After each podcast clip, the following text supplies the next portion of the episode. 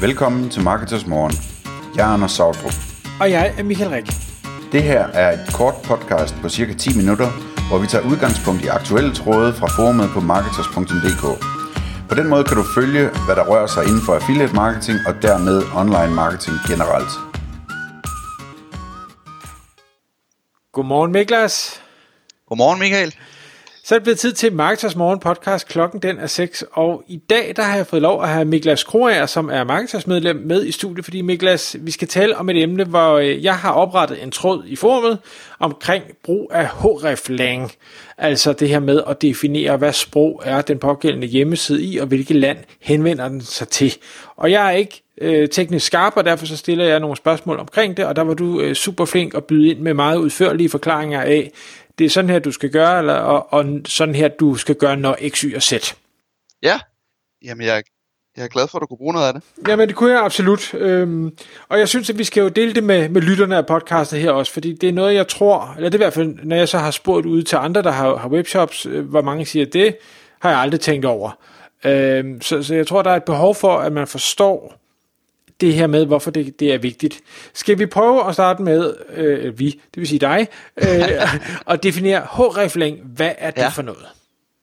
Øh, jamen, for det, for det første er det en, en, en ting, der, der er vigtigt at have styr på. Det er jo ikke en så, så sexet ting, men, øh, men det er noget, man bør, bør kigge på lige så snart man, øh, man, man sælger nogle varer, eller trækker noget trafik på flere forskellige lande, eller man, man overvejer det.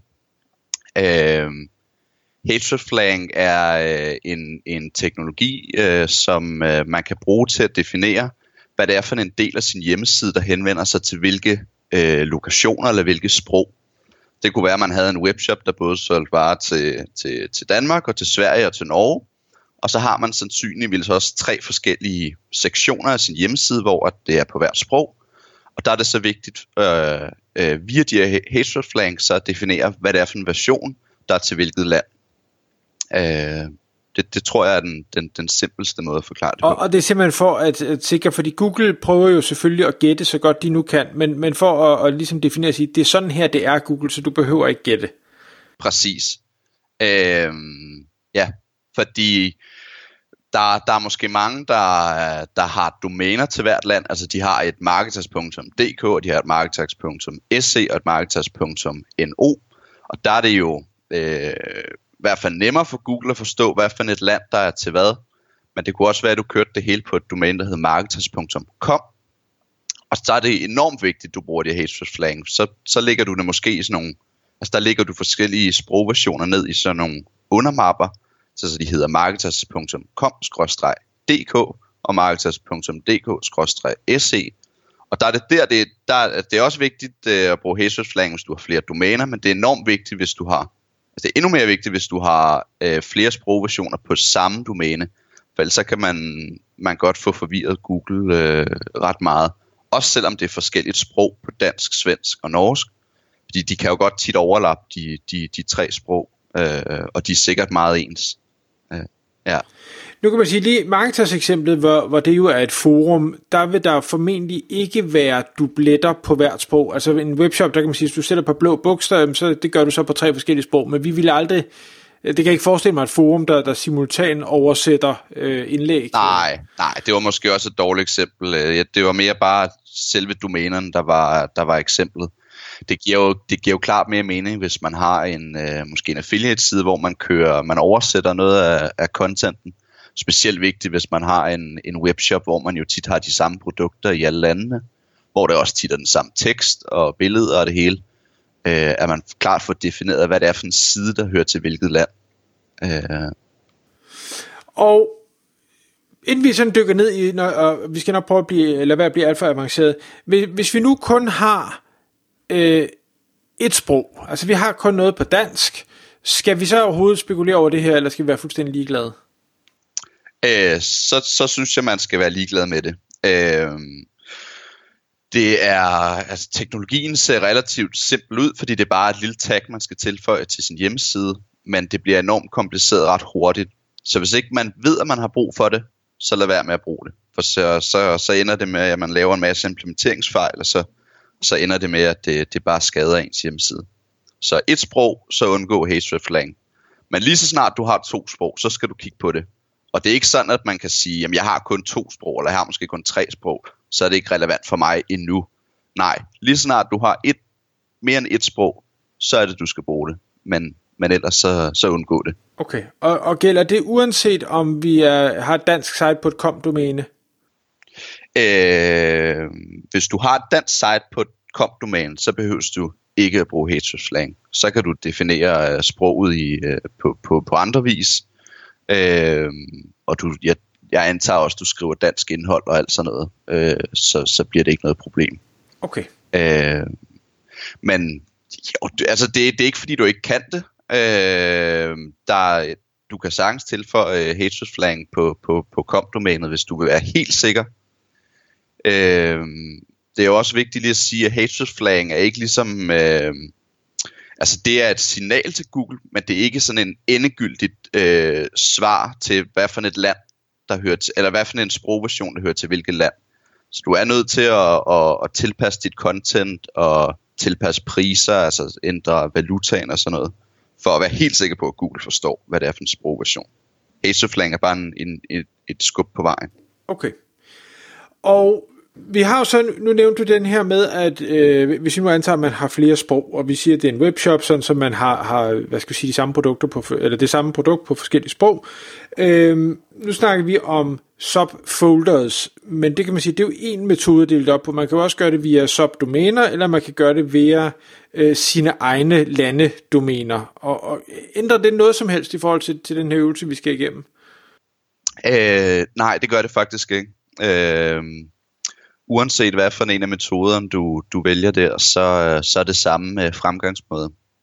Øh, du kan faktisk også, jeg ved ikke hvorfor du skulle, men, men du kan også variere de tre metoder øh, mellem hinanden. Øh, se en, en webshop som, som Asos, jeg mener de har en, øh, på, på den danske kører de asos.com-da, øh, men i, jeg kan ikke lige huske hvor det er, i Tyrkiet tror jeg de kører øh, asos.com.tr, og på den måde krydser de faktisk flere metoder med hinanden. Men jeg, jeg tror for, for, for den gennemsnitlige e- e-handler, så vælg en af metoderne, fordi det gør implementeringen langt nemmere. Så, så vælg enten, at man bruger subdomæner hele vejen igennem, eller subfolders, eller at man kører øh, ja, altså, altså til det domæner til, til hvert land. Så, så undgår man yderligere forvirring. Ikke? Okay. Og jeg øh, leder, når, når jeg skal teste sådan noget, og sige, øh, det, det her site, jeg nu så jeg kigger på, virker det, så er jeg ude og lede efter øh, tools, hvor jeg tænker, jeg låser en URL ind, og så øh, håber jeg, at den kommer frem og siger grønt flueben eller rødt kryds. Øhm, og jeg prøvede mange forskellige, og øh, blev en lille smule forvirret, fordi en del af dem sagde, øh, det her det er ikke okay, og en enkelt af dem gav mig alligevel nogle grønne flueben, og så blev jeg sådan i tvivl, og det er derfor, så rakte jeg så ud til dig privat og siger, jeg forstår ikke det her. Øhm, hvis man nu tænker, okay, jeg har flere sprog, uanset om man vælger en af de her tre metoder, vi har nævnt, hvordan vil du så anbefale, at man finder ud af, hvad der er rigtigt? Øh, ja, interessant også. Du, øh, du delte jo øh, skærmbilleder af det tool, du havde testet via, og som du selv siger, så var der jo et, et grønt uh, checkmark, men det var jo fordi, den kun kiggede, om du havde det enkelte sprog, ikke om du havde lavet hele slang øh, konstruktionen korrekt. Så de kan tit godt forvirre de der øh, ja, de her check tools.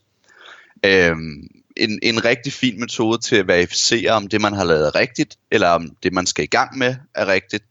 Øh, vi snakker om, du du kunne henvise øh, Michael til i beskrivelsen af den her podcast til, til et rigtig godt tool, øh, lavet af en, af en super skarp kvinde, der hedder Leda Soli, som har lavet et, øh, et tool, hvor man kan gå ind og, og krydse alle de lande af, man, man har sin hjemmeside i, indsætte sin URL til de forskellige lande, og så faktisk generere en helt korrekt hreflang kode.